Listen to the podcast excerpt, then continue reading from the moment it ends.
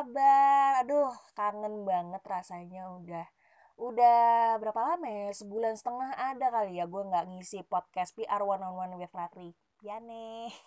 Dan di sini um, gue ingin klarifikasi kenapa gue absen dari jagat podcast selama satu setengah bulan. Yang pertama, um, di sis, di satu sisi kerjaan gue emang memang lagi padat-padatnya dan yang kedua akibat dari um, padatnya pekerjaan itu gue jujur jadi jenuh nih sebenarnya dengan uh, topik yang yang kita bahas di dalam podcast ini gitu.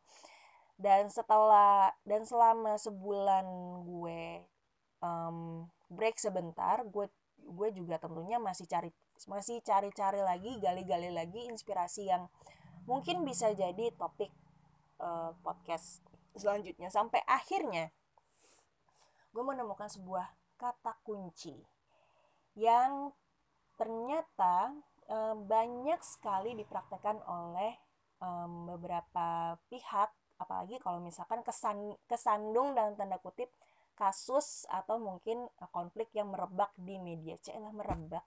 Bahasa gue kenapa sih?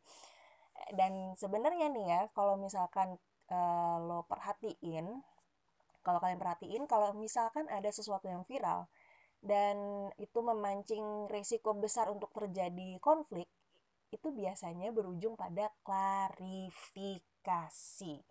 Sesuai dengan apa yang gue utarakan di awal.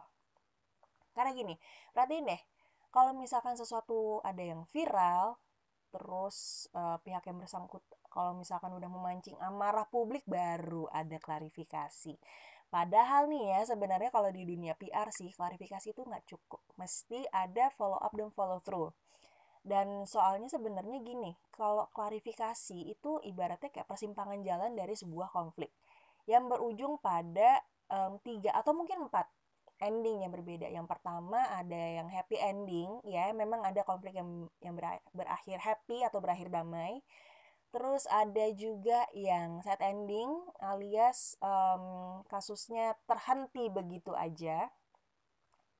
Terus yang ketiga um, masih berhubungan sedikit dengan set ending tetapi juga lebih banyak kenggantung alias menguap begitu aja sampai sampai dalam waktu yang sebentar udah nguap aja gitu udah hilang entah karena dapat suapan dari yang bersangkutan atau mungkin juga uh, kasusnya udah nggak seru lagi buat diusut-usut atau memang udah ya emang udah ya emang segitu aja konfliknya nggak ada yang lebih wow lagi untuk diusut terus yang terburuk adalah ugly ending yang mana uh, setelah da setelah klarifikasi itu terbit um, bisa jadi terbuka lagi borok-boroknya karena satu dan lain hal.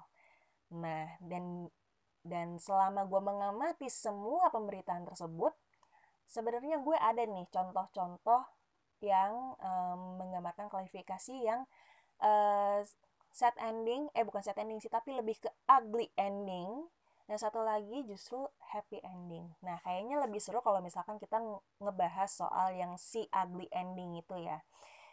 Jadi gini, um, kalian pasti nggak dong pemberitaan mengenai sebuah lembaga um, keuangan sebenarnya sih bukan lembaga ya kayak lebih ke financial advisor yang viral memang beberapa kali viral di media sosial dengan trik-triknya itu um, yang ternyata terbukti ilegal dengan segala konflik yang ada yang ada you know it lah.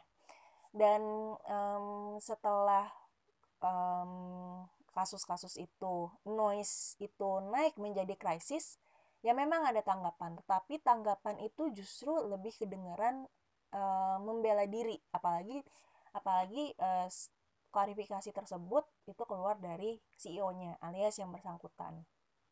Nah setelah klarifikasi tersebut yang ternyata menggunakan bahasa yang uh, cenderung membela diri nggak yang nggak yang sepenuhnya tulus meminta maaf ke ke korban-korban yang kena apalagi kerugiannya juga banyak banget ngeri sih dan um, apa namanya masyarakat udah ter, apalagi netizen wah marah besar. Bukannya bukannya semakin simpati malah tambah antipati. Toh ketika akun-akunnya masih ada ternyata masih banyak pesohor yang uh, ngasih support entah itu entah itu karena peres atau mungkin uh, they clearly don't know what's what's going on gitu. Padahal ini skandalnya gede banget gitu. Karena kan memang berawal dari um, gini gini kalau misalkan masuk ke dalam krisis PR ya ada tingkatan-tingkatan uh, konflik yang dihadapi. Yang pertama itu noise. Noise tuh masih um, tingkatannya masih ringan lah karena karena yang turun pun juga juga pihak-pihak uh, yang uh, masih bisa menangani langsung misalkan dari segi customer service terus juga dari dari um, staff VR-nya juga masih bisa masih bisa ngehandle atau atau kalau di agensi bagian AE-nya juga AE atau misalkan admin medsosnya juga bisa bisa turun tangan langsung. Nah, kalau da berangkat dari noise tersebut itu bisa bisa naik kelas ke um, rambu-rambu kuning. Nah, kuning kalau misalkan udah kuning nih karena kelamaan gak dibiarin, itu makin banyak tingkatan uh, eh, PR yang turun akan lebih banyak lagi. Kalau misalkan udah mencapai lampu kuning tanda kutip biasanya yang turun adalah account manager terus juga um, staff staff manajernya atau misalkan manajer markom nah kalau noise-nya itu tetap dibiarin itu lama-lama akan naik menjadi krisis alias lampu merah alias musuhnya jumpal oh enggak nih ya bener juga sih musuhnya jumpal tapi at, at the case of uh, lampu merah yang turun tuh udah pasti ya jajaran-jajaran manajemen gitu baik dari segi baik dari um, tim leader di bagian PR-nya maupun CEO dari atau pimpinan dari perusahaan tersebut gitu. Nah, yang si ugly ending ini nih memang memang udah udah masuk lampu merah banget nih karena yang turun langsung memang si CEO-nya. Nah, tetapi sayangnya um, karena karena dari statement tersebut udah memicu amarah amarah netizen dan arti dan akhirnya perusahaan tersebut berhenti beroperasi. Ketika nggak lama kemudian kalau gue perhatiin di timeline Twitter atau di Instagram atau di media itu merebak sebuah uh, another scandal yang mana ada rekaman suara si CEO tuh marah-marah sama kliennya pakai bahasa yang nggak enak didengar lah gitu. Dengan yang menunjukkan keangkuhannya. Dan ternyata kasusnya itu udah udah terjadi lama tapi baru terungkap kemarin-kemarin ini. Wah makin makin jelek lah tuh reputasinya. Cuma ya gimana kalau misalkan mau diredam udah nggak mungkin. Karena perusahaannya juga udah udah nggak beroperasi untuk sementara gitu. Tapi uh, dari sini um, bisa dilihat bahwa klarifikasi itu memang um, pen, apa namanya persimpangan yang menentukan ending dari sebuah konflik. Gitu. That's the itu contoh dari uh, kasus yang um, well ugly ending. Nah giliran yang happy ending atau berakhir damai ini gue nggak nyangka juga sih sejujurnya karena memang sudah karena um, gue memang memang DM sama adminnya dan habis itu, dan memang dibolehin gitu. Dan um, yang bikin gue seneng lagi adalah mereka sangat mereka menerimanya dengan sangat terbuka. Kalau case study mereka ini bisa dijadiin uh, top eh, salah satu case study yang dibahas di podcast ini. Gitu. Jadi kalau misalkan kalian tuh akrab dengan dunia perbeautyan Indonesia atau atau uh, yang seneng banget sama produk-produk lokal Indonesia pasti ngeh banget sama brand yang satu ini.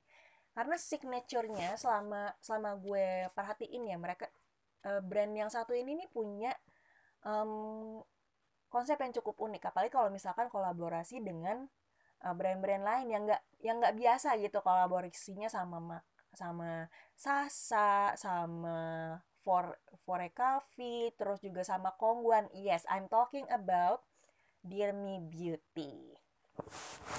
Nah, mereka nih sebenarnya nggak nggak apa namanya nggak terhindarkan dari konflik sih sebenarnya. Yang berawal dari sebuah noise di TikTok di mana uh, ketika Dirmi Beauty ini baru ngeluarin uh, foundation, correct me if I'm wrong, tapi uh, seingat gue mereka ngeluarin foundation line up baru foundation dengan shade yang berbeda-beda. Terus ada konsumen yang komen, kok nggak ada shade eh, yang intinya tuh kok nggak ada shade yang lebih gelap? gitu. Sementara adminnya sendiri itu komen ya ya pakai aja dulu yang ada. Wah itu memancing ke amarah netizen sih jujur aja apalagi buat uh, para beauty enthusiast gitu. Dan kalau gue perhatiin ya sejauh ini memang memang hal um, tentang pemilihan shade foundation yang kurang beragam ini justru jadi isu yang sangat gede di Indonesia. Dan gue salut banget sama seorang beauty a beauty vlogger bernama Livni Sanders hail to the queen Livni Sanders yang sudah sudah berani banget menyuarakan bahwa foundation uh, bahwa uh, dunia kosmetik Indonesia tuh butuh uh, variasi foundation yang mengakomodasi, cailah bahasa gue udah mulai mengakomodasi teman-teman yang kulitnya uh, gelap gitu, sawo mata bahkan ke gelap dan gelapnya itu bisa bisa ada yang uh, tone tone kulitnya cool, bisa yang neutral, bisa yang warm. Nah ini kalau misalkan teman-teman yang nggak nggak terlalu enggak sama istilah perbitian ini coba deh googling up uh, kenapa kulit ini juga punya tone tone uh, cool neutral dan warm. Gue paham sih karena dulu gue pernah megang sebuah uh, brand kecantikan juga gitu. Anyway kembali lagi ke lagi ke Dear Me Beauty. Jawaban itu justru um, bikin emang emang udah bikin marah netizen sih. Sampai akhirnya um, itu nggak nggak lama sih selang selang satu dua hari mereka mengeluarkan mengeluarkan uh, klarifikasi bahwa um, apa namanya mereka tuh intinya mereka tuh sangat menyesalkan uh, apa yang terjadi di internet sehingga um, apa namanya bikin brand mereka tuh nggak nggak lagi dipercaya. Karena memang kalau kalau dilihat dari komentar-komentar netizen tuh kayak wah Dirmi, Dirmi Beauty cancel nih gue nggak jadi ya beli gitu. Brandnya aja kayak gitu nggak ngeremehin uh, variasi kulit kulit cewek-cewek Indonesia gitu ya kurang lebih seperti itulah. Tapi tapi bagusnya si Dirmi Beauty tim PR Dirmi Beauty ini juga langsung gercep gitu mengambil tindakan. Yang mana mereka langsung mengeluarkan state mengeluarkan klarifikasi bahwa mereka menyesali dengan apa yang terjadi mereka meminta maaf dan dan apa namanya uh, pendapat mereka akan lebih dipertimbangkan. Dan lebih bagusnya lagi itu kayak sih selang beberapa hari apa minggu gitu ya. Gue lupa persisnya kayak gimana coba itu bisa itu masih bisa di trace kok. Um, si Dirmi Beauty langsung ngeluarin beberapa shade foundation yang uh, memad yang mengakomodasi kebutuhan teman-teman ya cewek-cewek berkulit gelap di Indonesia. Wah itu netizen langsung menyambut baik it, itikat baiknya si Dirmi Beauty. Well done. Well done. Gue happy banget nih. Karena um, they truly listen. Dari klarifikasi tersebut mereka langsung evaluasi terus juga mereka mendengarkan betul apa yang netizen mau. Terutama konsumen-konsumen mereka yang memang sudah memang udah um, udah bangga dan terikat lah sama brandnya brand mereka ini. So well done Dear Me Beauty gue salut banget. Nah ini adalah contoh kasus klarifikasi yang mengarahkan ke happy ending. Dan kuncinya adalah dan kalau disimpulkan kunci dari um, apa nama penyelesaian konflik dari klarifikasi tersebut dari klarifikasi ke happy ending yang pertama adalah um, harus gercep harus gercep um, menangkap apa yang sedang terjadi terus habis itu langsung dievaluasi apa yang apa yang sebaiknya perlu diperbaiki atau mungkin apa yang bisa kita lakukan untuk meredam noise tersebut supaya nggak naik jadi krisis. Terus yang ketiga um, har, tentu eh, kalau dalam dalam menyampaikan sebuah klarifikasi tentu juga harus berlandaskan empati. Nah beda kan kalau misal beda deh kalau misalkan um, ngebaca pernyataannya si Dirmi Beauty sama si akun financial advisor itu itu beda 180 derajat dan feedback feedback dari masyarakat juga beda gitu But anyway, sampai sini dulu podcast gue kali ini. Mungkin durasinya sebentar, tapi ya nggak apa-apa lah ya untuk permulaan. Semoga kita ketemu lagi di episode selanjutnya. Bye!